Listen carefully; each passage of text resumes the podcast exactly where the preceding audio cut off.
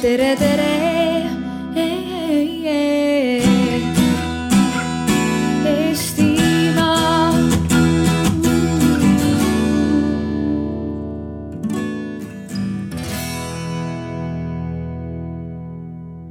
Tere kõigile, kell on kuus saanud, hakkame siin laval pihta. Äh, järgmine poolteist tundi on siis meil kõigil ühiselt täita.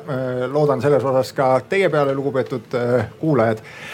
ja et siis kõigepealt millest juttu tuleb, püüame teha juttu siin erinevate nurkade alt usaldusest sellest, mis, mis asi see täna on, kust me, mis ta varem on olnud, mis probleemid, hädad sellega on ja kuhu me sellega siis ettevaatavalt tulevikus välja võiksime jõuda ma kõigepealt teeksin oma kaasvestlejate tutvustusringi ja siis, kui sealtpoolt pihta hakata, siis on meil kõige äärepool istub Sven Sakov Kaitseuuringute Keskusest. Äh, järgmiseks on Urve Eslas, kes on siis Euroopa Poliitikauuringute Keskus äh, äh, praeguse töökohaga.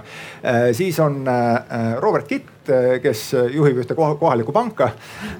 ja siis on meil filmitegija, täna filmirežissööri ametit pidav Ilmar Raag kellel varasemalt on siis küll ka jah, mõningaid selliseid rohkem või vähem institutsionaalseid Äh, seoseid olnud äh, teemadega, millest täna juttu tuleb. ja mina olen Tarmo Jüristo. Äh, sellist päevatööd ja, ja leiba teenin Praxise mõttekoja juhina Äh, et see pall kuidagi liikuma saada, siis mu esimene plaan ja mõte oli see, et, et ma võtaksin ah,, üks enne, enne kui me veel selle juurde läheme, et ma natuke sellise kodukorra koha pealt ütleksin seda, et, et kui kellelgi äh, tekib seda meie vestlust kuulates äh, mingi küsimus või äh, hästi pakiline kommentaar, mida tingimata tahate lisada, et, et siis äh, ajage käsi püsti, ma püüan äh, silma peal hoida ja, ja et siis saaksite selle asja ära küsida jooksvalt. ei pea ootama tingimata lõpuni aga et, et jah, et kui me selle päris äh, lõpusirgele jõuame, et siis äh, ma hea meelega ootaksin ka juba seda, et kui teil on sellel ajal kogunenud äh, refleksioone, mõtteid, vastuväiteid, kaasanoogutamisi, mida iganes selle kohta, mida me siin mikrofonidega rääkinud oleme, et siis ma püüaks jätta aega ja võimalust teil siis ka sekkuda, kaasa rääkida, kaasa mõelda, välja öelda, küsida kõik need asjad, mis teil kogunenud on. aga et nüüd jah, siis pall liikvele saada, siis ma kõigepealt mõtleks, mõtlesin, et ma hea meelega küsiksin siis oma kaasvestlejate käest sellise esimese kiire ringina üle selle, et, et mis on siis igaühe teie äh, vaatenurgast äh, see suund või äh,, või nurk, kuidas te selle usalduse teemaga ise tahaksite ennast siduda või, või selles diskussioonis tahaksite haakida sellega ja kuhu te selle diskussiooniga tahaksite noh, nii-öelda siis sellises ideaalis selle pooleteist tunni jooksul välja jõuda, et, et mis see, mis see eesmärk või suund võiks olla, kuhu me, kuhu me sihiksime. Ja ma eeldan, et need on erinevad nurgad ja asjad, aga et saaks sellise nagu raami ette, et, et kui, kui me tutvustusringiga hakkasime sealtpoolt, siis äkki hakkame sellega kõigepealt siitpoolt, et Ilmar sinust pihta mina seostaksin usalduse küsimuse enda jaoks äh, kõigepealt äh, see sellise mõistega nagu ettenähtavus või, või siis peaaegu behavioristlik põhjus-tagajärg seos. ma toon siis ühe lihtsa näite. kui inimene läheb mingit filmi vaatama, siis te ei tea, kui hea see film on Te peate mingi muu informatsiooni põhjal langetama oma otsuse et äh, jah, ma usaldan piisavalt võib-olla seda kogemust, mida ma lähen sinna saama ja ühel hetkel olen ma kinos ja siis selgub, kas see usaldus oli õigustatud äh, või mitte.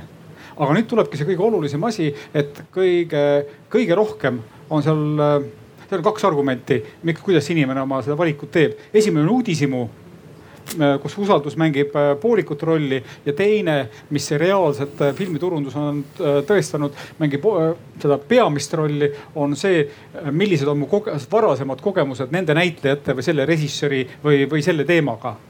ehk et et tekib selline soov, et ma olen korra juba saanud hea kogemuse järelikult ma olen valmis seda kontakti uuendama selleks, et sedasama kogemust saada. aga me võime sellesama asja panna kasvõi siis näiteks äh, äh, julgeolekupoliitika konteksti, kus me tegelikult usaldust tarbime ka sellisel viisil, et, et keegi on meile äh, midagi lubanud ja selle ära teinud. ehk et ma panen näpu selle ärategemise või nii-öelda kätte toodud tulemuse peale mm. -hmm. Robert ma mõtlesin äh,, mõtlesin, kuidas defineerida ja jõudsin mingi sellise küllalt sarnase äh, mõtteni, et, et mis asi on usaldus. usaldus on vastutus äh, mingisuguse riski võtmise ees või mingisuguse riski äh, vastu ja vastutus just, et mina, ma võtan selle riski ja ma vastutan äh, selle tagajärje eest, et ma äh, tean, mis asi on risk. risk on seotus määramatusega mul on tõenäosuslik komponent, see on määramatus ja mul on seotus. ma olen, eh, ma olen viisil või teisel sellega seotud. no näiteks lennukist väljahüppamine ei ole risk, seepärast et määramatust ei ole, saad surma kindlalt.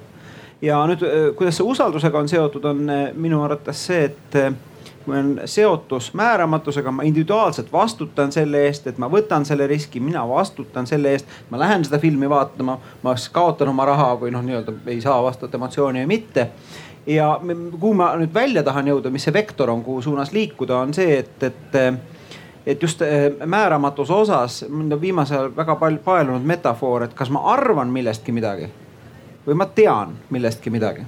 kas ma arvan või ma tean? kui ma tean, et kaks pluss kaks on neli, siis on okei okay.. kui ma arvan, et kaks pluss kaks on neli või et ma arvan, et praegu sajab Paides vihma. noh, siis no võib-olla seda isegi võib öelda, et ma tean, aga, aga noh, et ma, ma arvan, et, et noh, Tallinnas ei saja vihma, et see on arvamus. ja nüüd see mm, usalduse muundumine või kadumine minu arvates on väga palju sellest, et liiga palju arvatakse, aga vähe teatakse. et see on minu sihuke vektor, kuhu suunas ma liiguks uh,. Urve äh, ma mõtlesin veidike selle üle, kuidas siis äh, läheneda usalduse küsimusele üldisemalt ja siis ma leidsin, et võib-olla kõige lihtsam ja kõige võib-olla ka parem viis on läheneda selle kaudu, mis on need teised mõisted, mis usaldusega külgnevad sest see aitab aru saada sellest, mida usaldusest mõeldakse. sest üks on see, mida võivad mõelda akadeemikud usaldusest või äh, inimesed, kes tegutsevad mingisugusel alal, näiteks ajakirjanikuna või riigitöötajana. Äh, aga teine asi on see, kuidas sellest usaldusest kõnelevad need, keda see otseselt siis puudutab. ja, ja mulle näib nõndaviisi, et nihe on tekkinud usaldusest rääkimise suunas ses mõttes et enam ei ole usalduse mõttes niivõrd oluline see, kas teave vastab tegelikkusele või mitte, vaid see, kuivõrd selline mingi teave äh, suudab äh, anda vahendid hakkama saamiseks. Äh, no ja seda siis kahes mõttes, et ühtepidi me räägime näiteks sotsiaalmeediast me saame rääkida sellest, et see äh, usaldus inimeste, inimeste usaldus mingisuguse informatsiooni suhtes kujuneb välja nende sellisest äh, kogukonnatundest, mis selle informatsiooni ümber justkui toimub, justkui kerkib. ja siin me ei saa ju rääkida usalduse kadumisest, sest vastupidi, me saame rääkida sellest, et usaldatakse uskumatuid asju, millel alut-, kohati ei pruugigi olla väga pistmist ei tegelikkuse ega ka ratsionaalsusega. ja, ja huvitav ongi selle juures see ratsionaalsuse kadu, mis on Äh, taaskord üks aspekt, mida võib-olla tuleks siia juurde tuua kui me räägime usalduse muutumisest.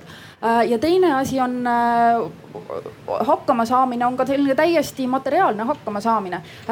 Läinud nädalal Nick Clegg Kopenhaagenis konverentsil kõneles sellest, et, et kui ei oleks olnud kahe tuhande kaheksanda aasta majanduskriisi, siis tõenäoliselt ei oleks Brexiti referendumit toimunud Äh, ehk siis äh, on olemas mingisugused äh, selged eeldused või selged vajadused ühiskonnas, inimesed tahavad saada hakkama. sellest hetkest, kui neile tundub, et mingid institutsioonid, kes peaks tagama nende hakkamasaamise, ei ole oma tööga hakkama saanud.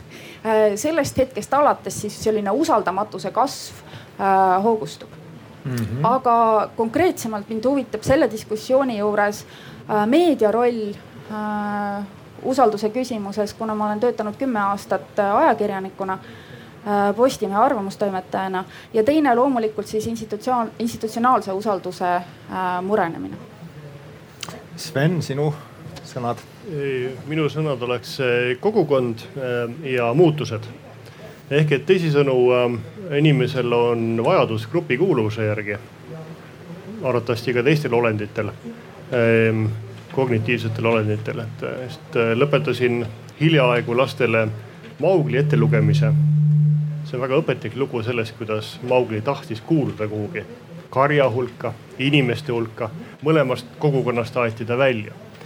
ja, ja noh, see grupi kuuluvus, see, see nii-öelda jagatud kogemus, mis ühe noh, vanal ajal siis ühiskonnagrupi väikse osa ehk külaühiskonnas oli, see oli ühine, seal oli usaldus oli suur, aga samas valikuid väga ei olnud, et sul ei olnud valikut võimalik ellu jääda, kui sa nagu tegelikult ei olnud konformistlik selles osas, mida see eh, väike külaühiskond eh, sulle eh, andis. no tänapäeval see grupi kuuluvus, mis tekitab usaldust, on läinud väga palju laiemaks.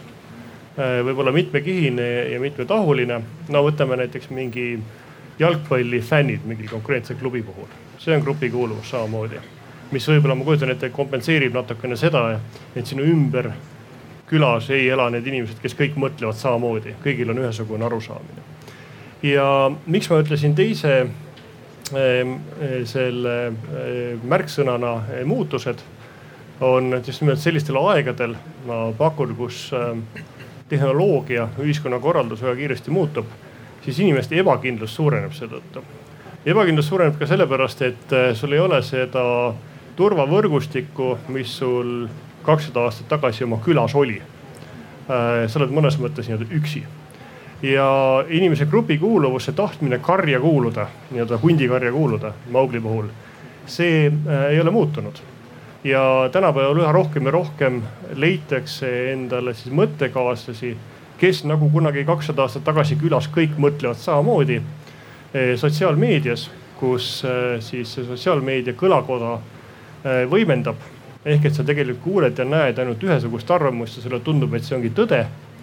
ja, ja, ja seetõttu tegelikult selline usaldus kõige selle vastu, mis on sellest grupist väljaspool, kahaneb ja usaldus selle grupi sees suureneb. ehk et tegelikult need grupid, kui nad varem olid geograafilised, küla, noh mingi vald, võib-olla suuremad jupid siis tänapäeval on nad tihtipeale täiesti laiali tõmmatud äh, ja ei puuduta üldse nagu geograafiat, ei puuduta lihtsalt mingeid nagu tõekspidamisi. no näiteks noh, toome sellised äh, näiteid nagu ekstreemsed näited nagu Lapiku maa äh, uskujad, et selliseid hulle, külahulle on alati olnud. Neil ei ole kunagi varem olnud enda ideede levitamiseks üle maailma sellist platvormi nagu on internet ja sotsiaalmeedia ja, ja taaskord sellesama selle grupi sees usaldus kasvab noh iga päev. Ja kõik igasuguse info vastu, mis tuleb kuskilt mujalt, see väheneb, ehk et ma arvan, tegelikult selline usaldamatus ühiskonnas seetõttu, et, et äh, nii-öelda see kogukond on nüüd äh, geograafiliselt laiali pillatud, see on nii-öelda huvipõhine, et äh, tehnoloogia muutub väga kiiresti, ühiskond muutub väga kiiresti no isesõitvad autod, ta-ta-ta, tehisintellekt ja kogu see värk. Äh, inimesed ei tea enam, mis toimub kapoti all või mustas boksis või mustas kastis, kust tuleb sulle internet või kus on sinu arvuti, kus on sinu andmed. ja see kõik tekitab tegelikult sellist äh, noh ebalust ja, ja usaldamatust ja ma arvan, et see asi läheb veel hullemaks sa tahtsid midagi kommenteerida? ma tahtsin öelda, et see kogukonda kuulumise aspekt, see tundub mulle eriti viimasel ajal tohutult, tohutult äh, tähtis. ja ma tahan öelda, et äh, kui me siin usaldusest räägime, siis me tihtipeale ju räägime sellest, et me saame mingisuguse signaali, me peame seda seedima, tõlgendama ja siis langetame otsuse, kuidas me selle signaali puhul käitume.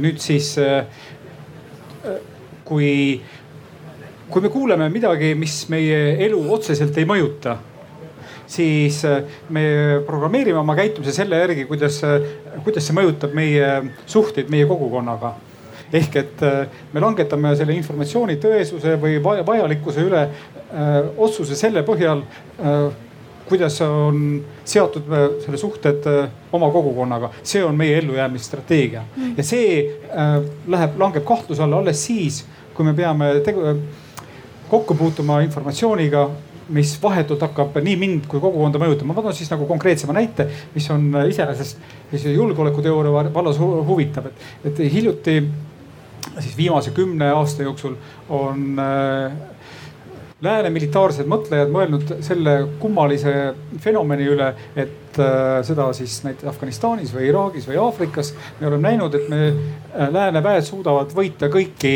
kohalikke relvastatud üksusi.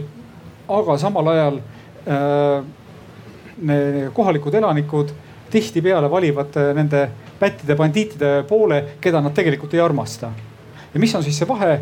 Aafrikas seletati seda asja niimoodi, et äh, nii, ükskord äh, sõidavad valged sõdurid sealt külast läbi lähevad ära.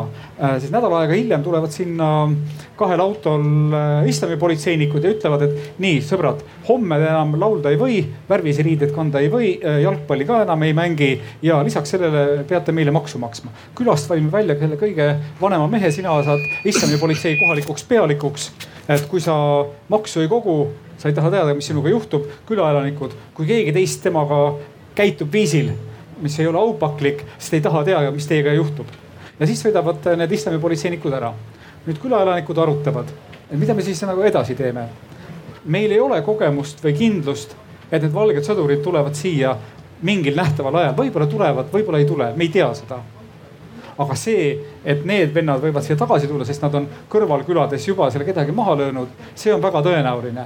me ei armasta neid, aga noh, selle informatsioonikindluse suhtes Äh, meie kui kogukonna ellujäämisstrateegia on see, et me siis pigem hakkame neile maksma. Hmm.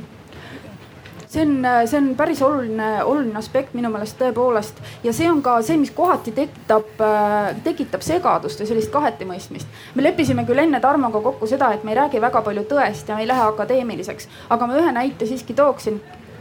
See on teema tegelikult, millest on püütud kõnelda noh, vähemasti mõtteloolises kontekstis palju, et seda püüda kuidagi seletada, seda erisust. Äh, vast kõige parem näide on äh, Umberto Eco oma, oma äh, semiootika raamatus kirjeldas seda kui kahte erinevat tõsikindlust. üks on sotsiaalne tõsikindlus ja teine on füüsikaline tõsikindlus. kuigi tegelikult õige on ju see füüsikaline tõsikindlus, siis kogukondade jaoks ühiskondade jaoks, selleks, et nad saaksid koos toimida, on sotsiaalne tõsikindlus alati esmane.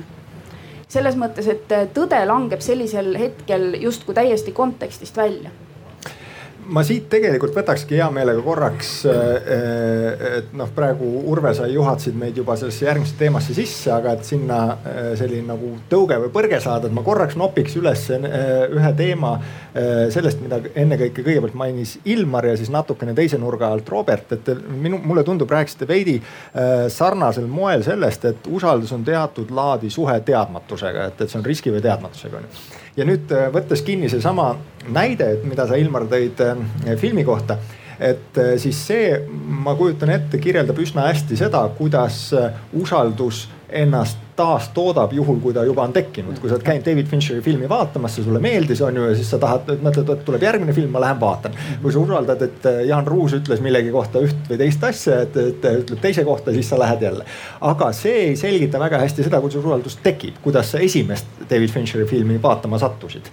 et, et mis on see, see asi, mis annab tõuke sellele, kuidas ta, kuidas ta üldse maailma satub, usaldus ja siit võib-olla selline noh, ka lähtekohana on see asi, mida natuke, eks Sven, kui sa mainisid seda kogukonna äh, olulisust äh, usalduse juures, et, et siis võib-olla sihuke üks üldine äh, selline levinud lähtekoht on see, et usalduse selline nii-öelda primordiaalne vorm on, on individuaalne usaldus. see on see, kus on isikutevaheline usaldus, et, et kus sul tekib see kuidagi mingisuguse jagatud äh, noh, see võib olla tõesti grupikuuluvus, et, et ma olen temaga sarnane, järelikult ma eeldan, mul on mingisugune arvamus, et, et tema valikud või otsused võiksid olla sarnased minu omadega, tema väärtused võiks olla sarnased minu omadega, see on baas, millele hakata ehitama seda usalduse suhet, eks. aga et nüüd sellises olukorras, kus sul seda ei ole, kus sul ei ole selliseid lähtepunkte, mhm. millele toetuda, kust see saaks tekkida?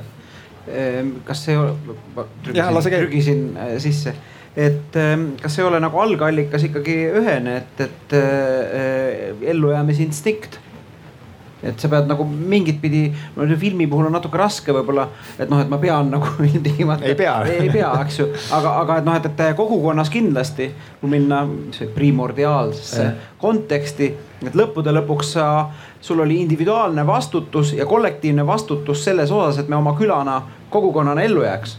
suudame kaitsta ennast samamoodi tekkis, tekkis vastutus, et hüva, et valged sõdurid võivad tagasi tulla, võivad mitte tulla. Need tüübid tulevad. Tõenäosus läks just hästi palju alla, nad tulevad tagasi ja ellujäämise soov noh, on kogu aeg kõrge, seega ratsionaalne valik mingit pidi, no võib-olla ma liiga, liiga ratsionaliseerin seda, aga mulle tundub, et. rohkem, kas see on usaldus, et see, sa võid öelda, see on mingisugune ellujäämismehhanism, see ei ole päris sama, mis usaldus, et, et kust see usaldus sellises olukorras tekib? no usaldust sa käsitled kui midagi nagu positiivset, mida me suudame tulevikku projek-, projitseerida. jah ja. ja., võib olla ka negatiivne. võib olla ka negatiivne. No ma arvan, et seal on laias laastus, kuidas ma esimest korda seda mingisugust filmi näen, teadusaadet David Fincher mulle meeldib. no üks võimalus on tihtipeale see, et äh, mis on see sunduslik asi, et koolis öeldakse ja ma vaatan selle ära ja pärast leian, et noh, ei olnudki nii halb. Äh, see aga, aga, aga, aga, aga see on kahtlemata no väga kitsas äh, nagu võimaluste aken. kõige, kõige peamiselt see otsus langetatakse ikkagi mingisuguse juba tuttava juba usaldusväärse instantsi poolt, kes annab mulle informatsiooni aga, aga neid ütleme kategooriaid, millega saad olla seotud, on ju lõpmatu palju, et üks asi on filmid ja soovitajad, eks ju. aga näiteks teine väga praktiline probleem, Bauhofist tuleb osta reha et kõik rehad. kellel ei oleks olnud sellist probleemi.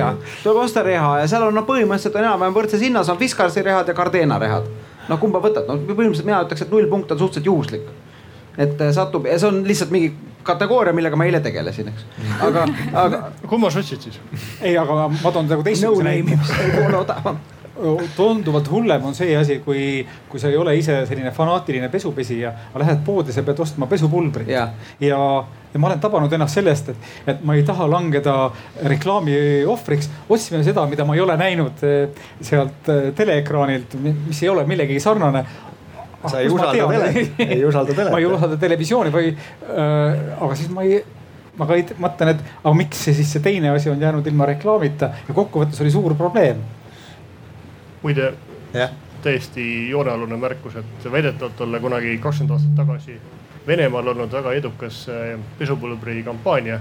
pesupulbri pealkirjaks oli Abdekovõnni Porošok, tavaline pesupulber, sest seda reklaamisid kõik ülejäänud, nad ei pidanud ise reklaamima. valge karp, seal oli kirjas tavaline pesupulber, odav ja osteti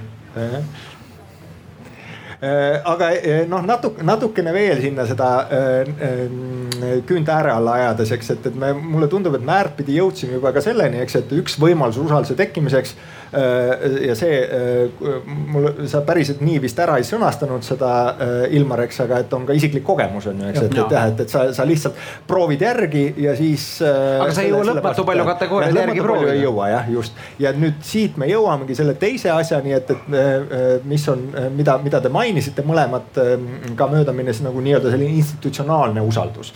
et meil on institutsioonid, mis siis kas toodavad usaldust, hoiavad seda Äh, ja, ja need on siis tõepoolest hästi sageli kogukondlikud, nad on mingil moel seotud identiteediga. et nüüd, äh, millised on äh, ja, ja see mulle tundub, on asi, millega praegu, miks, miks see usalduse teema nii palju üleval on, et need klassikalised nii-öelda usaldust tootvad institutsioonid, millega meie kõik oleme üles kasvanud on kuidagi kõikumas või, äh, või siis löögi all, ehk et me üle juba viimase kümnendi jooksul äh, üle maailma räägitakse hästi palju usalduse langusest poliitiliste institutsioonide vastu.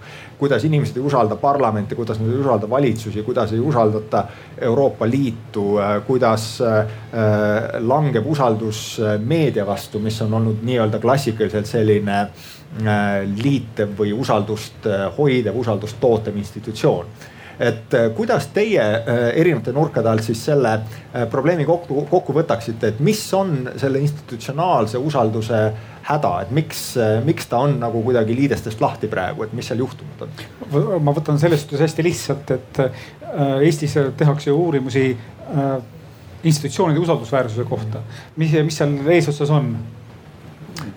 Piirivalve, äh, põhimõtteliselt päästeamet, äh, politsei, kaitsevägi ja siis tulevad riburada kõik muud.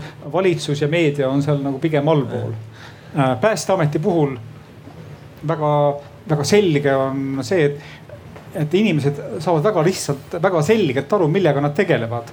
ja nad üldjuhul arvavad, et päästjad teevad ka seda, mida nad teevad mida nad ütlevad, et nad teevad. politseiga on enam-vähem sama asi, et see põhjus-tagajärg seos nende tegevuses ja seda, mida nad ütlevad, teevad, see on läbipaistvalt äh, hästi lihtne äh, kaitseväega on muidugi tunduvalt keerulisem, sellepärast et äh, kaitseväe nagu tegevuse tulemust me kuigivõrd ei tea.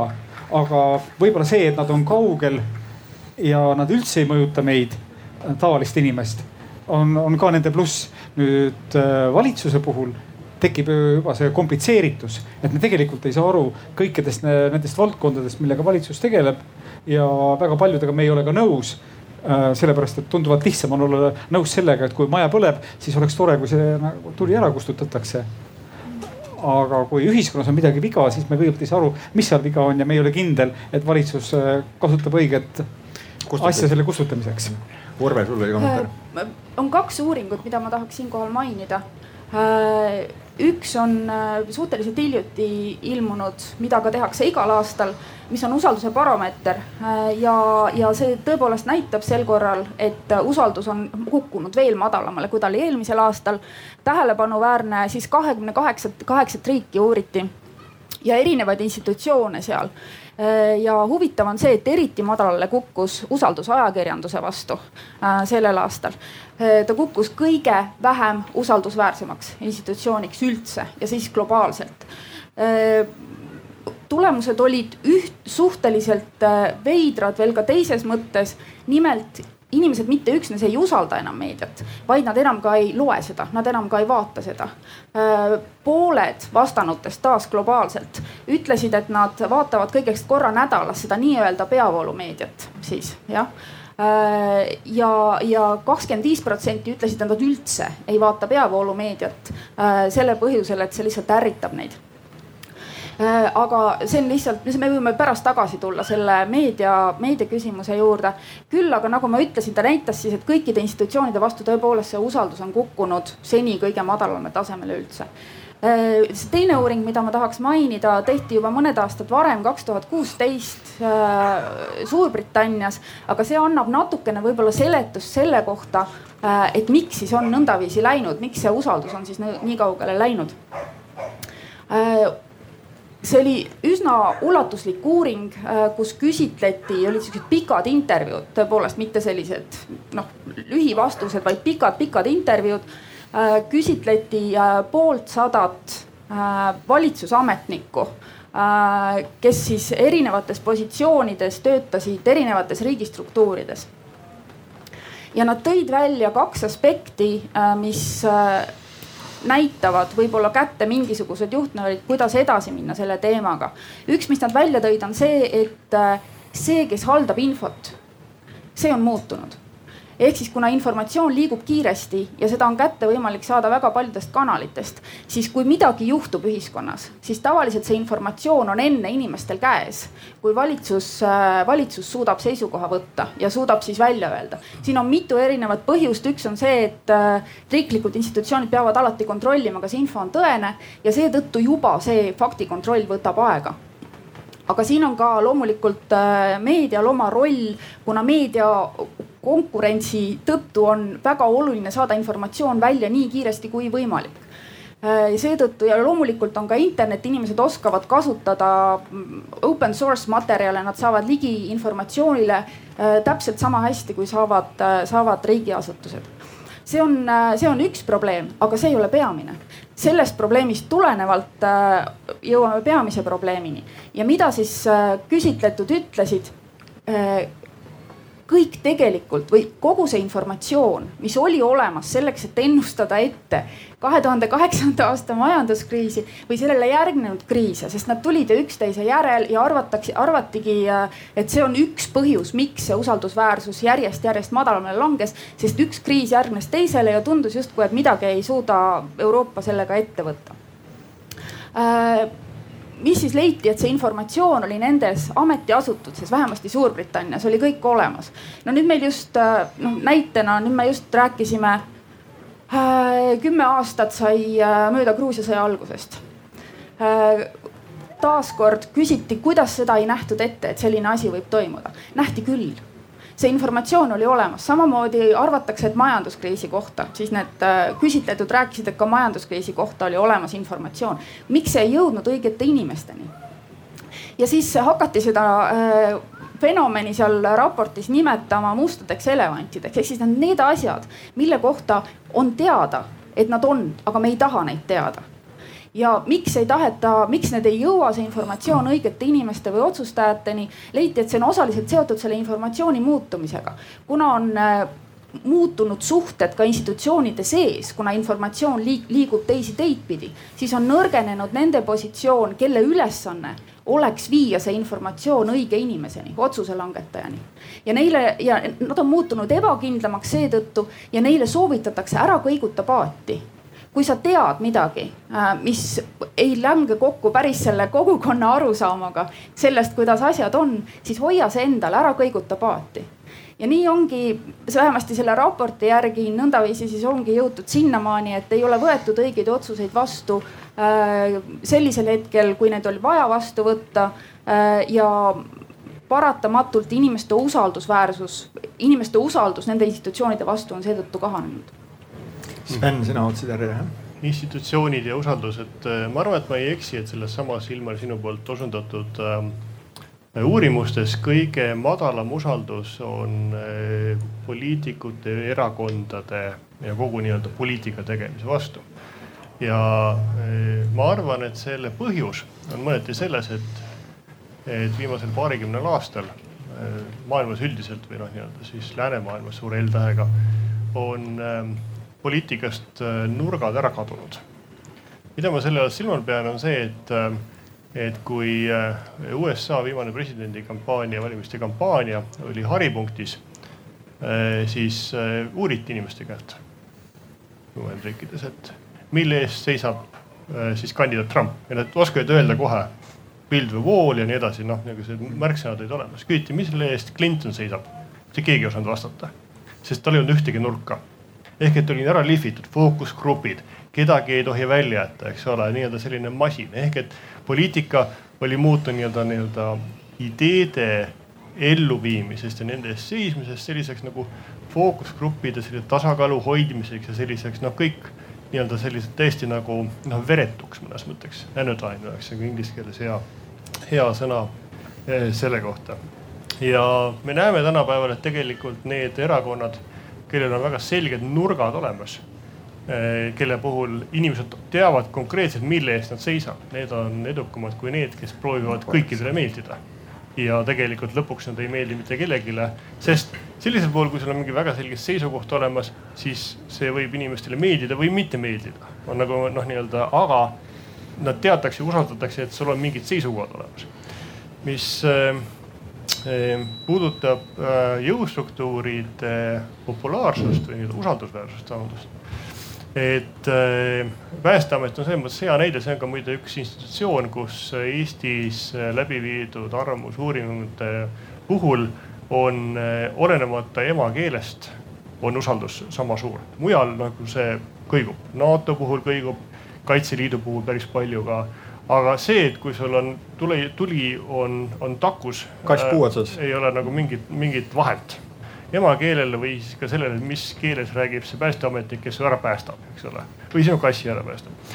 aga Eesti puhul ma arvan, mis on, mis on hästi äh, riigikaitses, näiteks usalduse puhul, on see, et äh, et ajateenistus teeb selle kogemuse isiklikuks väga paljudele inimestele, noortele meestele ning nende perekondadele. see ei ole mingi sihuke nagu noh, abstraktne asi, nagu inimene nad kuskil on, see on nagu sinu asi. Äh, ja see paneb loomulikult ka selle ajateenistuse riigikaitse läbiviijatele hoopis suurema nõudmise, kuna nad on lastevanemate väga kulli pilgu all. ehk et tegelikult, mis seal toimub. kaitseliit, eks ole, on, on, on teine sarnane näide. ja viimane jupikene siia äh, on, mis puudutab Eestis võib-olla iseloomulikku kõrget usaldust on tegelikult igasuguse siis e-riigi äh, ID-kaardi ja kogu selle värgi vastu. sest äh, on üllatavalt palju, olen ma kogenud, näinud ja kuulnud lugenud selle kohta, kuidas need noh, see on asi, mida nii-öelda Eesti e-riiki tullakse vaatama delegatsioonide kaupa, riikide kaupa Äh, ma arvan, enamus Aafrika riike on siit läbi käinud. Äh, siis e-valitsemise akadeemias kuulanud loenguid, konspekteerinud, et see on asi, mida õpitakse, mis on ainulaadne ja vägev. ja väga paljud riigid ütlevad, et see kõik on tore, mis teil on, aga meie ühiskonnas ei ole sellist usaldust, et sa annad riigile oma andmed äh,. on ja neid põhjusi on noh, mõnes mõttes on selliseid noh seinast seina, et on, olen kuulnud äh, näiteks seda, et sakslased ütlevad, et neil ei saa noh, nii-öelda Stasi ja Gestapo taustaga, nad ei noh, seda usaldust ei ole ja riik ei tohi neid saada ja noh, nii-öelda see on kõik nüüd privaatsus on eelkõige äh,. tuleneb ajaloost. olen kuulnud Jaapanis mismoodi, et inimene on nii väärikas, et tema ei saa olla number. sul ei saa olla mingit ID-numbrit, sellepärast et see on inimväärikust alandav, see tuleb kultuurist, eks ole äh,. ehk et noh, nii-öelda sellest on proovitakse selleks siis nagu ümber laveerida, aga Eesti on selles mõttes unikaalne olnud, et siin on usaldus äh, äh, selle vastu olnud ei ole probleemi ei Gestapo ega inimväärikusega. sellepärast, et meil on olnud nii Gestapo kui KGB, aga need ei olnud meie enda omad. see on nagu ma arvan erinevus Eesti ja Saksamaa puhul, need ei olnud meie omad, need olid võõrad. ja Ilmar teab sellest rääkida nagu väga pikalt ja põhjalikult.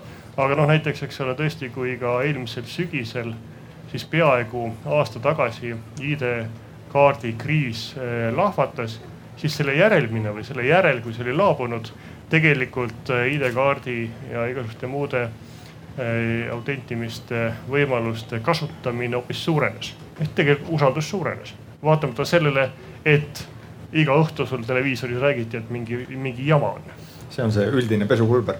aga ma korraks kasutaks seda enne, enne, ma tulen kohe siia eh, teie juurde tagasi, aga ma kasutaks ära, et see Sveni jutt läks korraks poliitika peale ja ma hetkeks astuks oma moderaatori kingadest kõrvale. see, see on üks asi, kus mul on endal hästi kõva arvamus.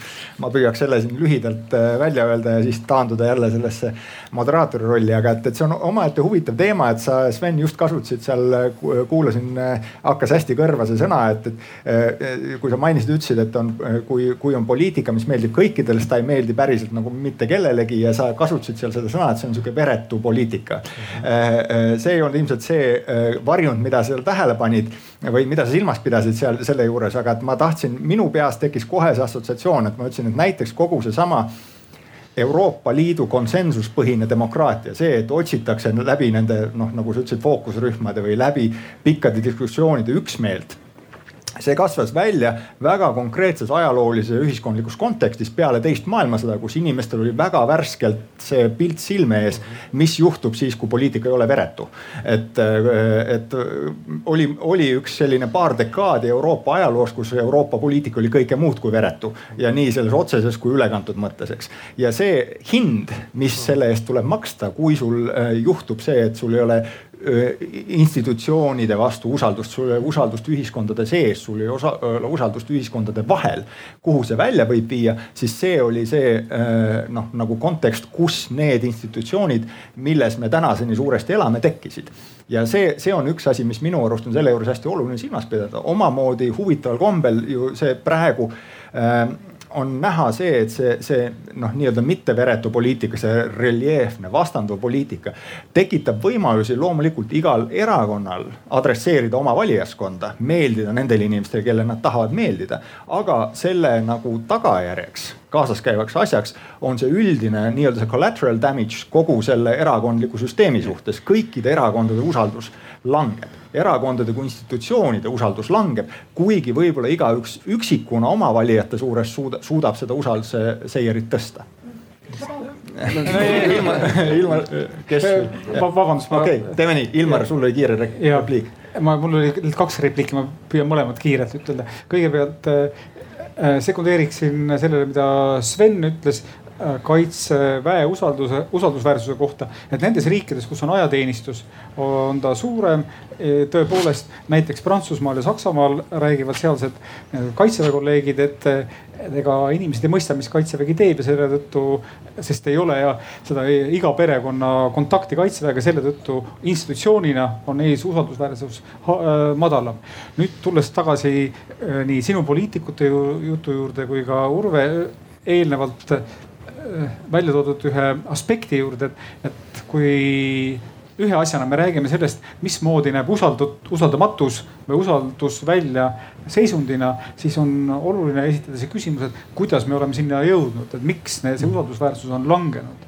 ja, ja selle puhul üks teooria on ka selline võõrandumise protsess, kus me näeme, et mit, mitmel puhul on organisatsioonid, institutsioonid ja nii edasi üheaegselt juhitud kahe eraldi motivatsiooni poolt. ma toon siis ühe sellise näite Äh, mis äh, vestlusest, mis toimus umbes aastal kaks tuhat seitse november või detsember kaks tuhat kaheksa enne majanduskriisi. vestlesin ühe tolleaegse, kas oli Swedbankuri või Hansabankuriga, ei ole tähtis, aga äh, vestlus oli umbes selline, et tema rääkis, et tead, et me oleme väga huvitav, me vaatame oma neid tabeleid ja meil on tunne, et inimestel ei ole seda raha, mida nad on laenudena saanud ja et see on nagu üks mull, tohutu suur mull on tekkinud ja samal ajal kõik linna peal teavad, et kui sa lähed sealt panga kontorihoonest mööda, sind haaratakse sisse ja pannakse laen taskusse, lükatakse kontori uksest välja. et miks te siis niimoodi teete, miks te käitute vastutustundetult, kui te teate, et, et, et nende halbade laenude osakaal eh, väga, väga kõvasti võib suureneda. ja siis vastus oli see, et aga näed, vaata kui meie praegu hakkame käituma vastutustundlikult, siis me kaotame oma turuosa ja võib-olla me oleme turult väljas juba enne, kui see kriis tegelikult plahvatab. seetõttu läheme sellesse suurde pauku niimoodi, et oma konkurentidega me oleme kõik võrdses seisus ja samal ajal toodame selle nagu paugu tuleku aega äh, lähemale e ja me teame, jah, see ei ole iseenesest nagu vastutustundlik, sellepärast et meie tegevus suurendab ka selle paugu suurust Õnneks see pauk oli siiski suhteliselt väike. nojah kuidas kellelegi. aga, aga, aga, aga, aga selle mõte oli kahtlemata selles. pankuritele väike. aga, aga ka poli, poliitikute või ka meedia puhul on seesama, kus nagu öeldakse meedias samal ajal, kui tuleb online, toimus diskussioon, kus öeldakse, et meedia kolletub ja, ja samal ajal meedia sees öeldakse, me saame aru, et asi on halb aga kui me hakkame kvaliteeti taga ajama, siis me oleme homme konkurentsist väljas ja sellest ei ole mingit kasu, et me teeme väga kvaliteetset toodet.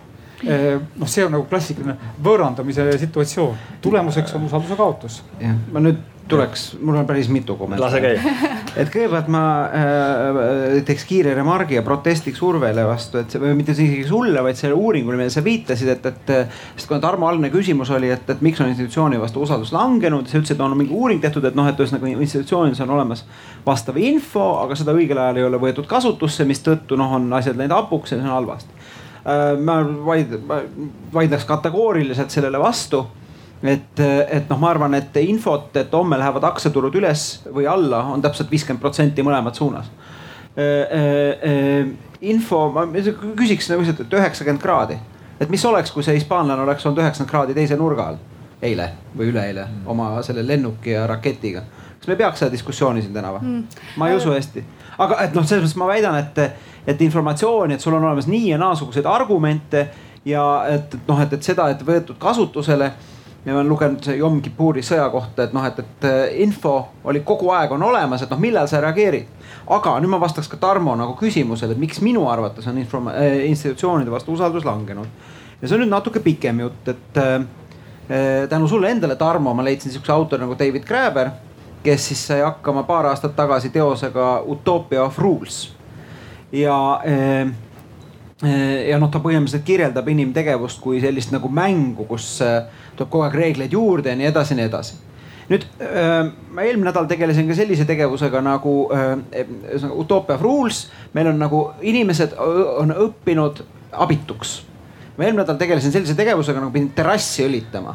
ma olin täiesti abitu ma ei teadnud, missugust seda õli tuleb osta, kas värvitut või mitte, mis pintslid, kas rulliga tohib või ei tohi, mul oli meeletu hulk küsimusi. üldiselt eh, päris paljud ütlesid, et sa pead selle mehe võtma, kes selle ära teeb. ma ütlesin, kurat, no tegelikult ei saa väga raske olla terrassi õlitamine, sa pead noh õpitud abitus, ei oska teha, ma mõtlen, et ma ei oska teha ja seega peaks keegi reguleerima seda kuidagi.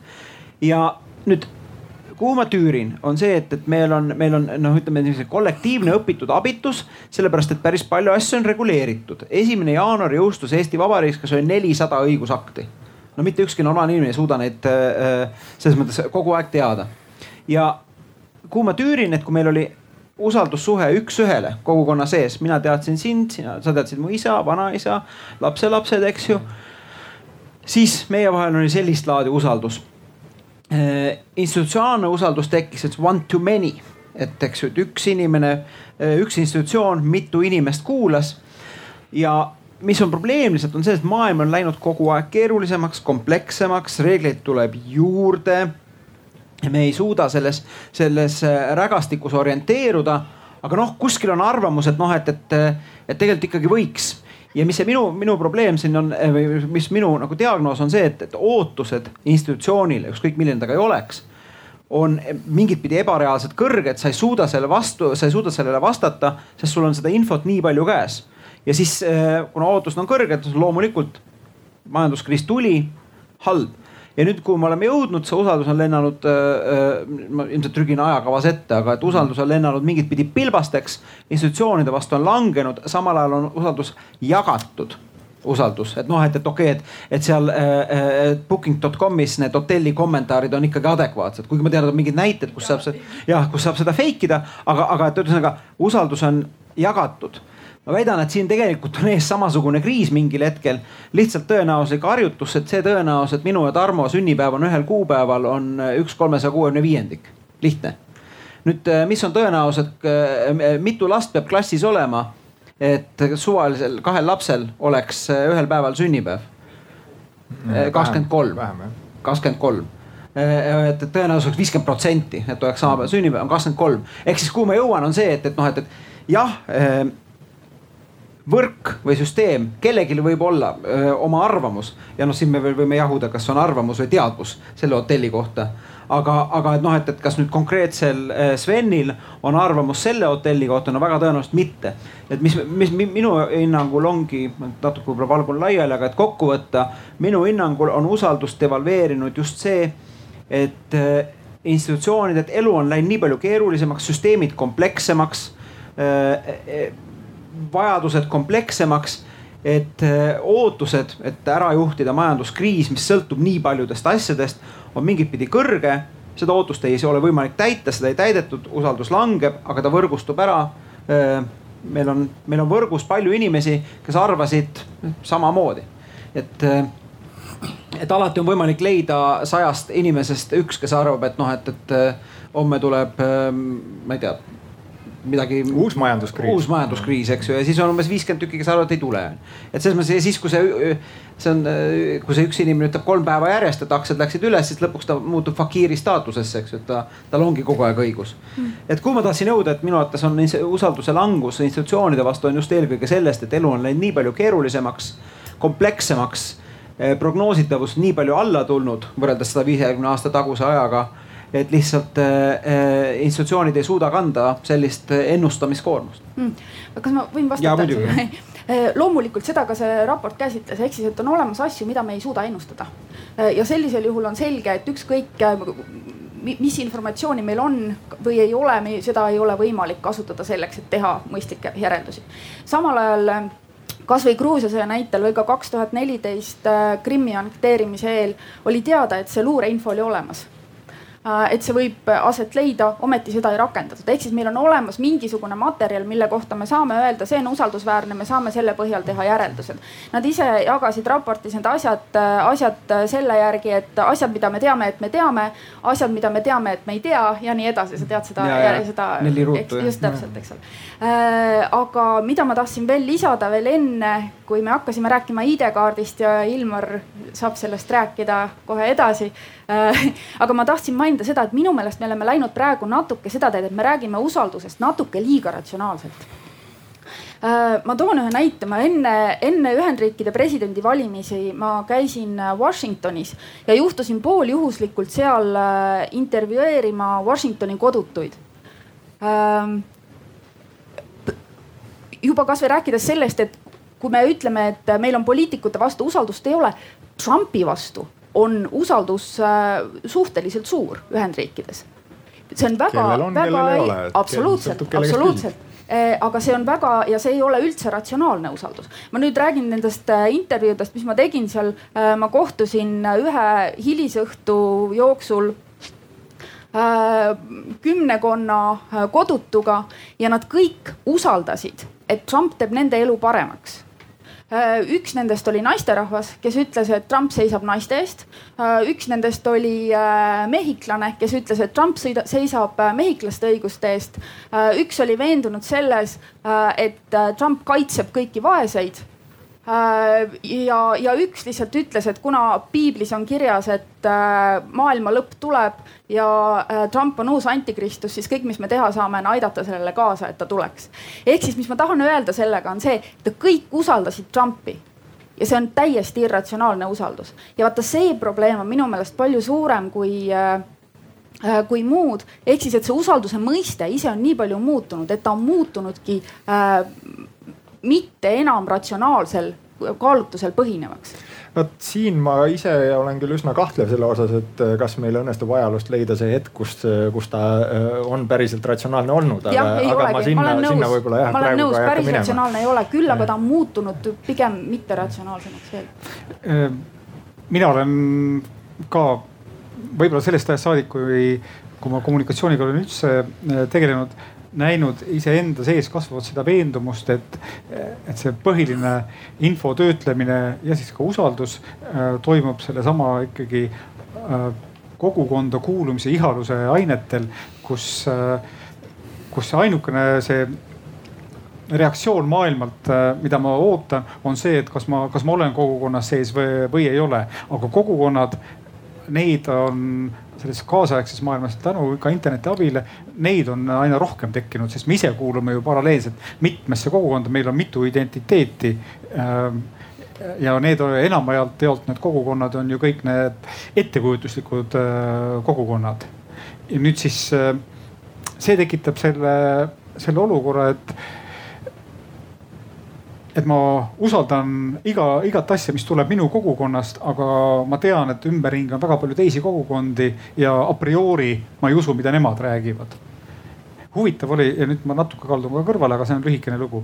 huvitav oli New York Timesis üks selline raadiosaade, eh, mis eh, mis rääkis pärast Helsingis eh, toimunud tippkohtumist seda, kuidas ajakirjanikud vaatavad äh, üksteisele otsa ja küsivad, et, et kas see on nüüd võimalik, mis juhtub, noh loomulikult see nagu liberaalsem pool sellest ajakirjandusest. Ja ütlevad, et kas see on nüüd nagu see pöördepunkt kust algab äh, Trumpi allakäik pärast seda, kui ta ütleb, et ta usaldab äh, teise riigi presidenti rohkem kui oma riigi eriteenistusi ja, ja siis tuleb meelde tagasi, et ei, ei oodake, aga meil on neid punkte olnud ju vahepeal juba mitu ja kõige esimene neist oli äh, Hollywood Access äh, lindiskandaal, kui veel presidendivalimiste kampaania ajal tuleb välja see suhteliselt vana äh, videolint, kus president Trump, Trump ütleb, et jah, ma võin naisi haarata ka sealsamusest kohast, mille peale meeskond, kampaania meeskond üheselt oli langetanud käed rippu enamik vabariiklastest, no nii, see on nagu selline skandaal, et siit enam nagu mingit tõusmist ei ole ja siis oli olnud see David Bannon ja äh, Trump, kes oli öelnud, et aga et noh, unustame ära, inimesed ei, ei hakka seda seedima ratsionaalselt. Need, kes on juba minuga, need on täiesti ükskõik. ja, ja et me jätkame kampaaniat. ja nüüd ajalugu nüüd näitas, et neil oli õigus, et tegelikult see nagu faktiline, ka tõene materjal iseenesest ei, ei maksa mitte midagi. maksab ainult see, kas, kas see kogukonnatunne töötab või mitte. Sven, sa tahtsid seda Helsingi asja kommenteerida või? Eh, märkus eh, selle kohta, usalduse kohta ja kogukonna kohta, et ma arvan, on oluline aspekt on ka see, mis on eh, distants või siis kontrast. ehk et mis on see keskkond, kus sa oled. ma toon sellise hästi lihtsa näite, et kaks noh, võrukest, kui nad kohtuvad Haapsalus, on kindlasti kohe suured sõbrad ma usun, et kõik teist on kuskil, no näiteks mulle meenub mingi kohtumine eh, soomlasega eh, Vietnamis eh, Mekongi deltas, me olime kohe kõige suuremad sõbrad sest noh, nii-öelda usaldasime teineteist, sest me olime Eestist ja Soomest ja olime mm. nagu noh, jõime õlut ja kõik oli nagu silmapilkselt. kui ma Tallinna tänaval mingit soomlast näen, ma ei hakka teda kaelustama kohe. see on nagu lihtsalt see kontrast, distants mängib rolli ju ma korraks nopiksin üles, Ilmari jutust käis läbi üks termin, need ettekujuteldavad kogukonnad, et, et mis on siis pärineb noh, oma, oma algses vormis ühelt hästi kuulsalt kahekümne sajandi nüüdseks paraku surnud sotsioloogilt, antropoloogilt Benedict Andersonilt, kes kirjutas selle kohta ühe hästi mõjuka raamatu. ja et ilmselt paljud teist on sellega ka tuttavad, aga ma käin sealt, võtan, nopin sealt ühe idee üles ja püüan seda põrgatada edasi, mida see siis konkreetsemalt peaks tähendama. Benedict Anderson nimelt siis rääkides nendest kujuteldavatest kogukondadest. Benedict Anderson tegeles hästi palju rahvustega ja, ja siis rahvuste tekke ja sünni ja nende noh, kogu selle, mis tegi võimalikuks rahvusriikide sünni siis kaheksateistkümnenda, üheksateistkümnenda sajandi Euroopas. ja üks asi, mis tema väga mõjukas mõte oli see, et, et, et rahvast ta nagu omamoodi poolenisti ilmselt sihuke naljaga defineeris, et kui sellist kujutelvat kogukonda, siis kunagi näost näkku üksteist ei ole kõiki näinud, aga kes jagavad ühte rituaali, et nad loevad hommikuti sama ajalehte ja et see viib meid tagasi nagu sellise meedia juurde, meedia rolli juurde, kogukondliku usalduse tekitamise juures. ja nüüd tõepoolest, kui vaadata ka Eesti äh, rahva sünnilugu, siis Papa Jansenil ja, ja Pärnu Postimehel on seal oluline roll selle juures on ju, eks. et tekkis selline samakeelne uudisteruum, kus oli samasugune noh mingilgi moel kompat- või sihuke ühtlustatud interpretatsioon maailmast, et mis juhtub, mis, mis, mis just sündis, kas on õige, kas on vale. ja nüüd see on see äh, võti, milles ma tahaksin korraks siis nagu küsida ka äh, teie peegeldusi või arvamusi selle suhtes, et, et äh, me oleme siin täna rääkinud palju sellest, ühelt poolt sellest, et kuidas meedia vastu usaldus on langenud, kuidas meil on tekkinud paljud need erinevad kogukonnad, kus tõepoolest ka inimesed loevad erinevaid nii-öelda nende hommikused rituaalid, mida nad loevad, ongi erinevad. mis on selle mõju sellisele kogukondlikule usaldusele, mis äh, ikkagi mingisuguse rahvustunde aluseks on, eks, et, et mis, mis paneb sind äh, ära tundma äh, see noh, mis, mis vähendab seda distantsi või kontrasti võrreldes teistega. et kas see sedalaadi usaldumise, usalduse murenemine meedia vastu, kas sellel võivad olla ka siis sellised kokkuvõttes fataalsed tagajärjed rahvustele? Jah, väga hea, sa ütlesid rahvustele, sellepärast et kokkuvõttes ega ju inimkond on elanud ka rahvuste-eelset ajalugu. hästi noh, pigem kauem on ta rahvuste-eelset ajalugu elanud kui äh, rahvuste sees. Äh, rahvuste ajalugu me kus inimesed on teadvustanud endale seda nii-öelda rahvust kogukonnana, see on ju umbes kakssada, kakssada viiskümmend, võib-olla kolmsada aastat äh, vana kontseptsioon, ega ta kaugemale ei ulatu. ma arvan, et, et see, mis praegu ühe trendina või ühe võimaliku tulev, tulevikuna on toimumas, on tõepoolest see, et, et me läheme võib-olla keskaega tagasi. ja see internet on äh, paljastanud selle, mis tegelikult varem eksisteeris, need äh, erinevused, mis on ka selle rahvuse sees või ühiskonna sees erinevates kogukondades. ja nüüd siis sealt edasi need juba eraldunud kogukonnad hakkavad taas tugevnema ja mõtleme siis keskaegse maailma peale, kus äh, talupoeg elas ikkagi suhteliselt oma maailmas äh, mungad elasid oma maailmas, lugesid vanu ürikuid ja teadsid mõnda tarkust veel ja siis äh, ülikud ja kodanlased elasid ka oma maailmas. ja nad kõik loomulikult vastastikku umbusaldasid üksteist keegi veel selle, selle teema kohta midagi? Midagi tahtsin öelda, aga mul. mulle, mulle ei... lihtsalt seda, seda kirjeldust, mis sa ütlesid, et ühtemoodi tõepoolest jah, võib öelda, et see läheb nagu tagasi sellesse keskaegsesse, kus küll ütleme nii, et Prantsuse ja, ja Inglismaa või, või siis ka Itaalia talupojad ilmselt omavahel suurt solidaarsust või ühtekuuluvustunnet ei, ei tundnud ja teiselt poolt kõlab see mulle sellise Marxi äh, internatsionaalina, et, et kus püüdi globaalset äh, proletariaati mobiliseerida. tegelikult ei, ei, aga ma, ma ei noh, talupoegade puhul on ju väga oluline see, et näiteks see, miks Eestis ei tekkinud rääkinud rahvust enne, kui siis alles üheksateistkümnendal sajandil. suuresti põhjus oli nende pärismaisuses ja pärismaisus, pärismaisuse tulemus oli ka see, et nad suhtlesid omavahel tunduvalt vähem ja seetõttu seda nagu ühisuse teadmine mm, -hmm. et see ettekujutus oma ühisest kogukonnast või ühisest saatusest tekib, selle võrra oli ka vähem. just äh, hiljaaegu lugesin ühte päevaraamatut Ungers von Sternbergi, üks nendest paljudest kes oli äh, siis äh, Vene tsaaririigi ratsaväe ohvitserina Napoleoni sõdades. ja seal on väga ilmne see, mis see grupi kuulus, see oli siis, see oli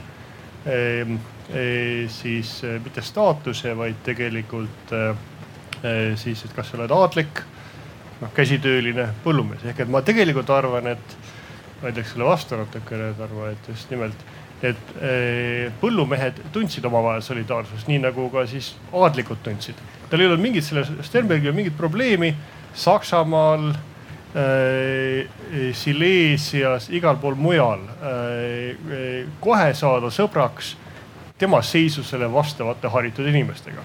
see ei olnud mingi probleem, ma kujutan ette samamoodi võib-olla sõdurid, kes olid tema selles äh, polgus, said omavahel hästi läbi nii Vene kui Silesia kui, kui mingi Saksa või. kui nad just ei tulistanud üksteist. no parasjagu need ei olnud ja, ja seisuste põhilises ühiskonnas oli see usaldus oli hoopis teistmoodi üles ehitatud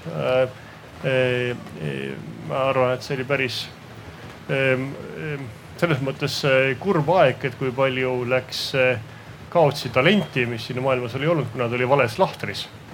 aga, aga samas usaldus oli, ma arvan, kõrge. See, selles suhtes on ju väga hea äh, Prantsuse film kolmekümnendatest aastatest Suur illusioon, mis äh, räägib äh, loo siis esimese maailmasõja aegsest vangilaagrist, kus prantslased on sakslaste juures vangis, aga siis laagri komandant on aristokraat ja prantslaste seast on ka üks endine ari, aristokraatlik ohvitser. Nad omavahel suhtlevad, räägivad maailma asjadest, joovad veini ja no kokkuvõttes respekteerivad üksteist teatud viisil, on see ka seisusele kohane sõprus samal ajal prantslased organiseerivad äh, põgenemist ja nad äh, annavad teada siis ka oma ohvitserile, et nüüd toimub põgenemine. ohvitser kuulab seda ja ta on oma sõduritega seotud rahvuse kaudu. Ta mängib seal väikese diversioonimängu aga kuna ta on andnud ausõna teisele aadlikule, siis äh, ta ise ei saa põgeneda ja nii-öelda saades oma rahvuskaaslased põgenema, läheb ta ise tagasi vangi ja sealt tuleb siis nagu see seisuse vaheline see usalduse küsimus. see oli Louis de Finesse või ei, ei, see oli, see oli Jean Renoiri film okay, ja okay. seal mängisid vanemad näitlejad. ma oleks ähm, natuke pessimistlikum, kui siin võib-olla natuke nüüd päris hoogsaks see toon läks, et, et ähm, ikkagi info liikumine ja vahetus on mõnevõrra parem kui kakssada aastat tagasi et ma arvan, et, et, et noh, et, et samad, eks ju von Sternberg kahtlemata oma seisusega inimesega rääkis, sõdurid ka võisid vennastuda ja nii edasi, ei olnud probleemi. Lihtsalt täna infotehnoloogia, noh sotsiaalmeedia, sul tegelikult on võimalus olla ühenduses kogu aeg. et ütleme piltlikult öeldes, need aadlikud täna juba ongi ühenduses ja, ja soldatid samuti. et sinu mainekeha, mis on noh, ühes või teises geograafilises punktis lihtsalt noh, tollel hetkel oli see, ütleme, suhtlemine funktsioon sellest, kus su keha oli. täna on äh, suhtlemine funktsioon, ei ole funktsioon sellest, kus su keha on. Ja, ja ma olen nagu selles mõttes natuke pessimistlikum või näeks, näeks ikkagi selget äh, muret, et äh, kui see kõik on nii lihtne, saan vahetada oma mõtteid, ma optimeerin globaalselt, mitte lokaalselt, siis ikkagi äh, varem või hiljem jääb järjest vähem argumente miks ähm, kõrgesti koolitatud inimesed peaks eesti keeles tegema teadust või eesti keeles äh, tegema äh, kultuuri mm. ja üleüldse siin olemas, noh üldiselt oli ennem oli soe, aga nüüd sajab jälle vihma onju mm.. aga sa räägid praegu kahest eri asjast, sellest on see, et üks on nagu meie soov mul oleks nagu hea meel, et eesti keel ja nii edasi säiliks. Äh, teine on see, kuidas me näeme maailma võimalikke arengustsenaariumeid. aga seda ma ütlesin kuidagi, et, et noh, mingit pidi olekski nagu, ma oleks nagu, olen nagu murelik just selles kontekstis, et ma näen, et äh, minu meelest see äh, rong või, või see rada liigub kuidagi nagu sinnapoole, et tegelikult see efektiivsus äh, surub nii palju peale. Urve sotsioloogid on ju uurinud seda, et kuidas internetiajastu, eriti sotsiaalmeedia ajastu on muutnud inimeste sellist kuuluvustunnet, kuidas ta on seda ümber kujundanud. Ja, ja leitakse seda, et, et tekib mitu sellist kuuluvuskonteksti ja need kuuluvuskontekstid üksteist üldse ei välista. et see identiteet natukene muutub igas selles kuuluvuskontekstis äh, ja vastavalt siis ka see meedia, mida sa siis äh, oma sellise identiteedi turgutamiseks äh, loed, aga need ei välista üksteist, ehk siis see, et, et sa sinu üks identiteetidest on, on olla Eesti kogukonna liige või eestlaste kogukonna liige, see ei välista mingit globaalset konteksti. Ilmar, sa tahtsid öelda? ma tahtsin selle puhul küsida, et et on teatud futuroloogid öelnud, et eesti keele küsimus omandab teise staatuse, kui kogu see kaasaskantav elektroonika muutub meil selliseks, et me võime igal ajahetkel ükskõik millises maailma keeles äh, vabalt rääkida selle, selle abivahendiga, mis meil on kaasas. Ja sellisel juhul Äh, noh, kõigepealt võõrkeele õppimine muutub äh, põhimõtteliselt mõttetuks, sellepärast et masin teeb selle ära täpselt samamoodi nagu me ei õpi praegu enam telefoninumbreid pähe või mõned ei, ei õpi enam orienteeruma, sellepärast et see Google Maps ütleb sulle ära, kuhu sa pead minema ja miks siis õppida võõrkeeli. et äh, kas see on nagu šanss eesti keelele? ma ei tea, siis võib ka sedapidi küsida, miks õppida eesti keelt, et, et, et kui äh, aga äh, ma korraks äh,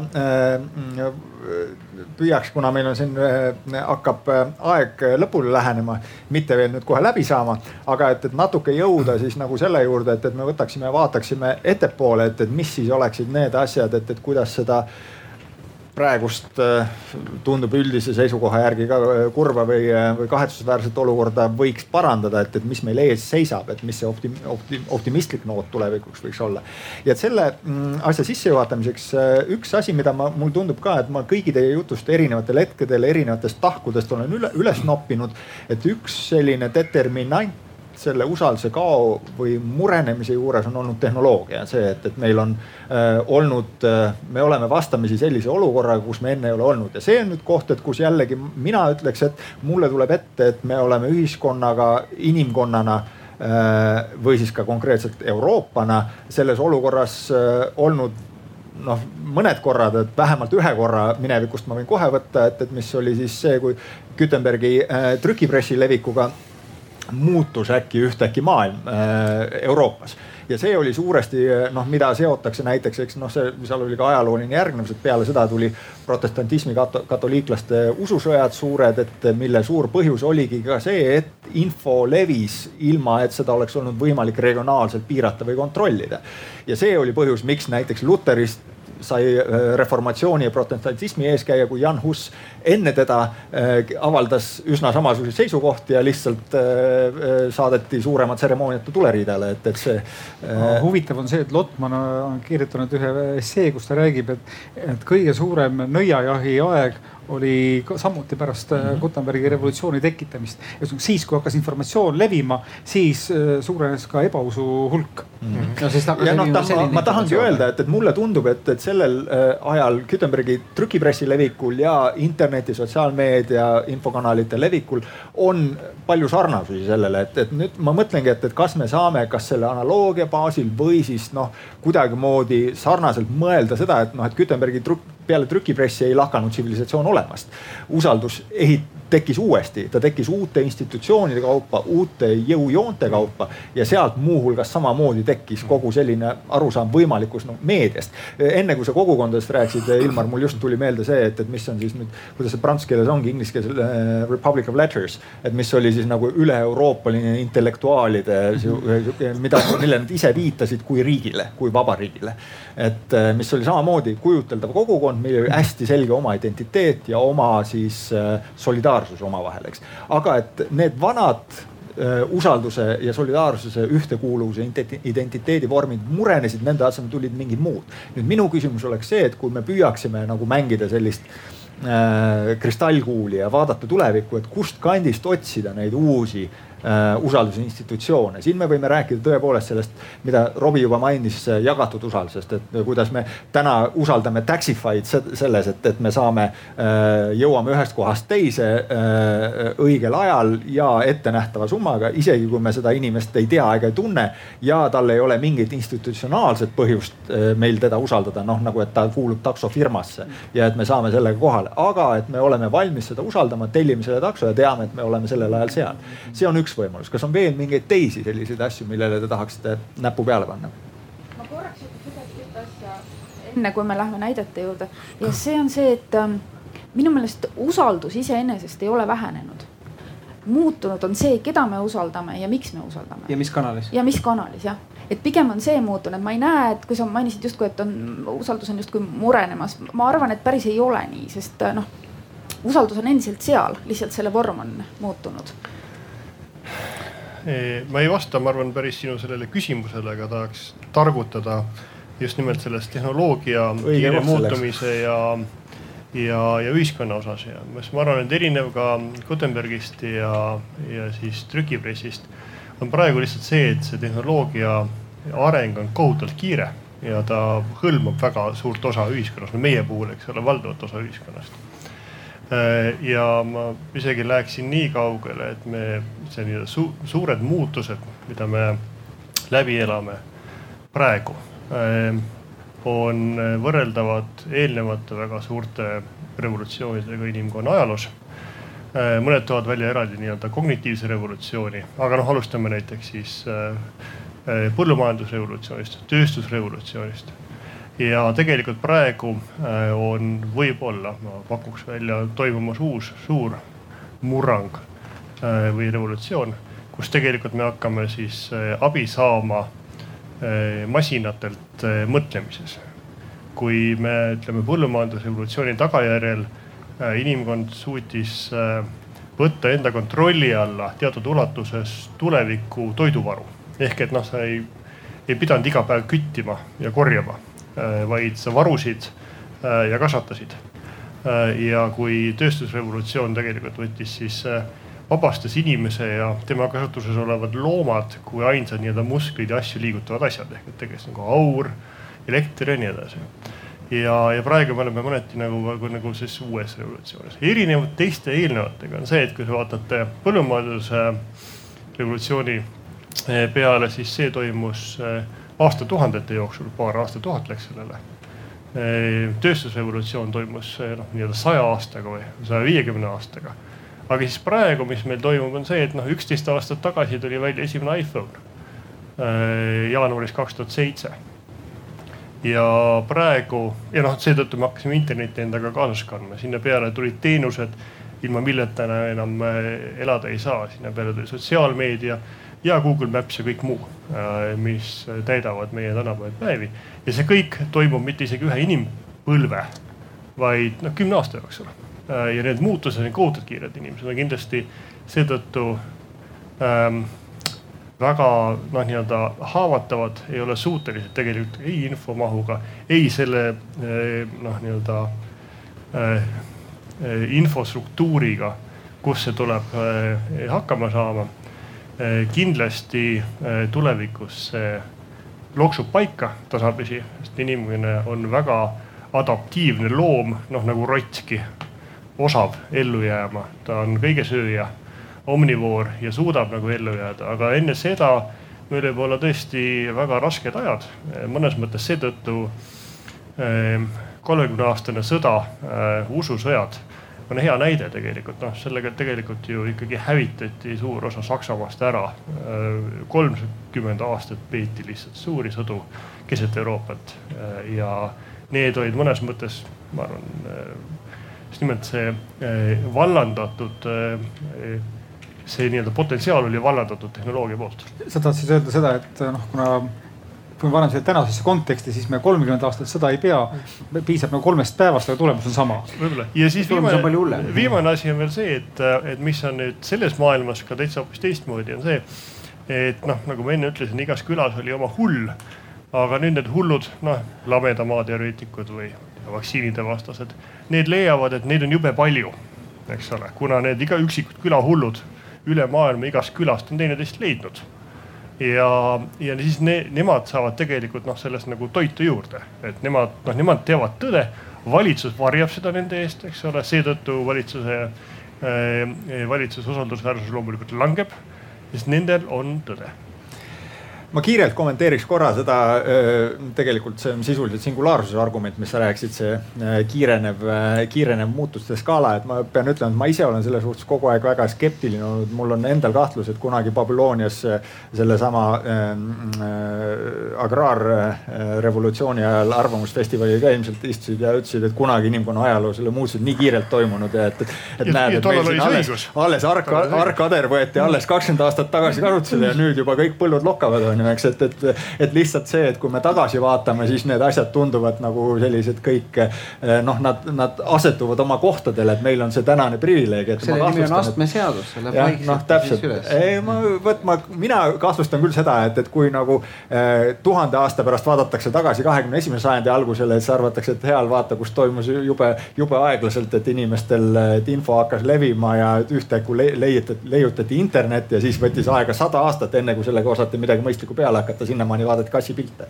et, et siis see, see on auru, aurumasinatega või näiteks elektrimasinaga oli täpselt selline huvitav näide sellest, et aurumasinate peale ehitati üles terved tehased, kus oli siis see, et sul üks masin ja jõuülekanded igale poole. kui tuli elektrimasin, siis pandi samamoodi elektrimasin ja jõuülekanded igale poole ja võttis aega viiskümmend aastat, enne kui keegi tuli selle peale, et paneks pistikud töökohtadele igale poole oma väikse masina aga et see kõik on meie jaoks nagu tagasivaates muutunud üheks selliseks tööstusrevolutsiooniks, mis võttis aega sada viiskümmend aastat. ma kahtlustan, et, et noh, et see on natuke sarnane olukord, aga mitte selle üle ei tahtnud ma täna siia äh, tulla vaidlema. et meil on äh, veerand tundi veel jäänud, ma korraks hea meelega küsiksin korra siis publiku poolelt, et kas kellelgi on siin midagi lisada, küsida ühelegi oh, see on nüüd küll vana hea tuttav. kas kellelgi teisel on midagi enne küsida Äh, sest ma kardan, muidu meil tuleb üks väga pikk jutt, et kui ma selle ära kätte mikrofoni annan, et eelmine aasta ma olen selle vea korra teinud, et, et ma hea meelega äh, teeme nii, et räägime pärast, et äh, see, ma teist, teist aastat järjest seda, seda viga ei teeks. kas kellelgi teisel on midagi lisada? tahate või? Lihtsalt ma ütlen, mul on see kogemus, et mis, mis juhtub, aga et. see on usalduse küsimus. see on usalduse küsimus, mul on kadunud see usaldus praegu, et kuna ma olen moderaator, siis ma praegu teeksin siin selle otsuse, et ärme sinna lähe mm. -hmm. korraks veel siis äkki teeks. Äh, aitäh, jah, Ilmar, sa tahtsid lisada? ma kui siin oli vahepeal küsimus, et kuidas me vaatame seda tulevikku ja mis juhtub, siis äh, mingisuguseks äh, lähimaks tulevikuks ma näen selle fragmenteerumise, ühiskonna fragmenteerumise süvenemist mm -hmm. ja mis tähendab ka siis nagu äh, üle kogukondade põhise usalduse vähenemist ja samuti ja. murenemist. võib-olla me saame sellest üle. Noh, selles suhtes, et meil on ka ju nagu ühiseid teenuseid, näiteks äh, jagatud pension või midagi sellist. Äh, aga ma, ma meenutan siinkohal ühte mõttekohta, mis oli minul äh, kolm aastat tagasi või neli aastat tagasi, kui ma olin Kesk-Aafrika Vabariigis äh, Eesti kaitseväega missioonil. ja me olime sealses pealinnas Bangis, meie vastutusala oli kaks linnaosa, kus äh, kokkuvõttes oli umbes kakssada tuhat äh, elanikku. Ja selline põhimõtteliselt nagu slummide keskkond ma aeg-ajalt küsisin nende käest, et noh, räägitakse, et varsti tulevad teil presidendivalimised, kelle poolt te tahate valida. nii nagu eestlased on ütlenud, ei ole kellegi poolt valida, me ei, ei taha kedagi. kui palju te üldse teate, kes seal valitsuses on, ei, ei tea ka ja ei huvita, sellepärast et see, mis nad teevad, see nagu meie elu nagunii ei mõjuta. ja ainuke, mis me tahame, et siin äh, nagu pätid lõpetaksid oma röövimised ja relvastatud mehed ei oleks tänaval e,. ja noh, et ähm, ja mida teiegi suudate teha, et teie olete siin praegu, ainult praegu, et pärast lähete ära ja et kas te suudate meie valitsust mõjutada ja. ühesõnaga väga palju sellist pessimistlikku tagasisidet. ja siis ühel hetkel äh, taandasime selle asja kõige väiksemale nagu ühisele äh, ühikule, mida me suutsime välja mõelda, et aga mis te arvate, et kui me suudame näiteks äh, neli kuud elada niimoodi, et teie kvartalis on rahu, keegi ära ei sure et kas see oleks nagu mingisugune asi, mida te sooviksite või ei tasu, isegi seda ei tasuks püüda. Nad mõtlesid, mõtlesid, et kui neli kuud meie kvartalis äh, ühtegi tapmist ei oleks, tegelikult oleks see ka päris hea. ja noh, põhimõtteliselt me saime aru, et okei okay,, et see on ka üks, üks võimalus, et me nagu liigume selle käega katsutava võimaliku tuleviku suunas sellepärast, et selle peale suudame ka selle usalduse üles ehitada, kus me teame, et meie need partnerid suudavad lõpuks ka teoks teha seda, mida nad ütlevad.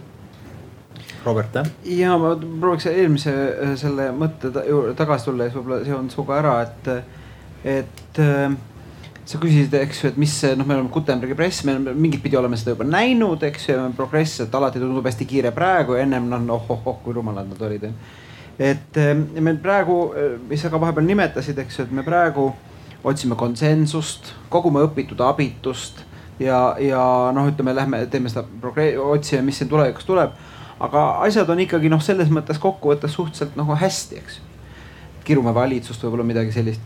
aga et äh, veel kord üheksakümmend kraadi või sada kaheksakümmend kraadi eile või üleeile ja teemad oleks hoopis teised ja, ja ma arvan, et noh, kogu, kogu Euroopa mõttes ja, ja kui ütleme siis noh, globaalseks minna, et noh, tegelikult on Pekingis suhteliselt palju on seda tolmu ja noh, raske on hingata et kui mõnes kohas veel on raske hingata ja keskkond ikkagi natuke kehvemaks läheb, et, et noh, võib-olla siis meil tekivad mingid järgmised ühised eh, huvid, kogukond liitub, et, et mingeid ühiseid päris probleeme lahendada.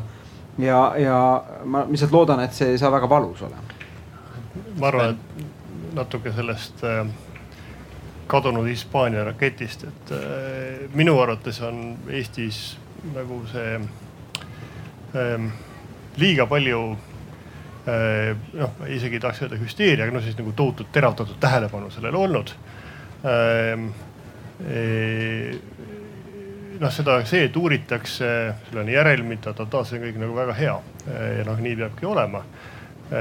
aga noh, tuletan meelde seda aastal kaks tuhat kuus kukkus terve Vene hävituspommitus lennuk SU kakskümmend viis Leedus maha, mis ei pidanud üldse seal olema lihtsalt juhtub selliseid asju, eks ole.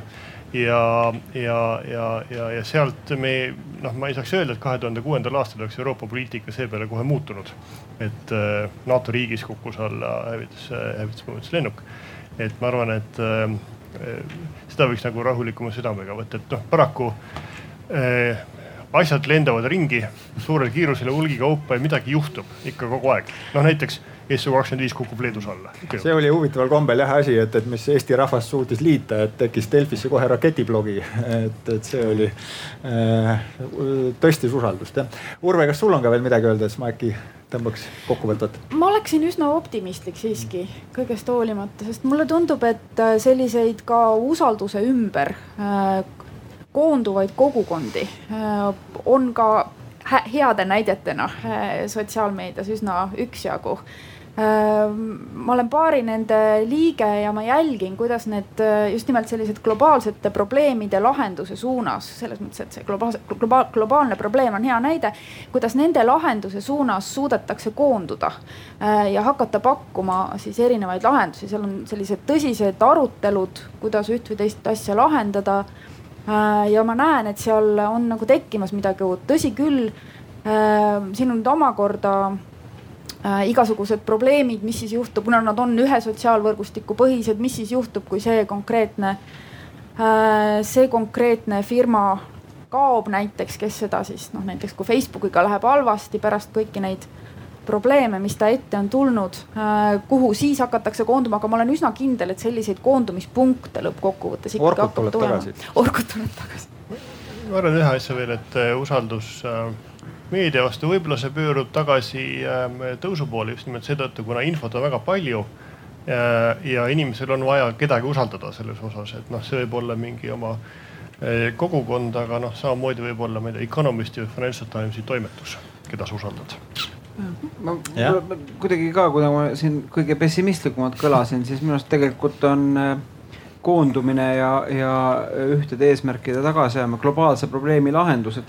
Ei oska midagi muud öelda kui väga täiesti käegakatsutav maailma puhastamise päev, mis ees seisab, et äh, minu arvates on ma ei tea, kas juba kolmekohaline arv riike, aga on, on liitunud selle initsiatiiviga, nii et äh, tundub, et saab küll mm. -hmm no äh, kuna ka meie kõige pessimistlikum inimene optimistliku noodiga lõpetas, siis. võib, ma võtan ka ühe ma tahaks ka siis ütelda. lase käia.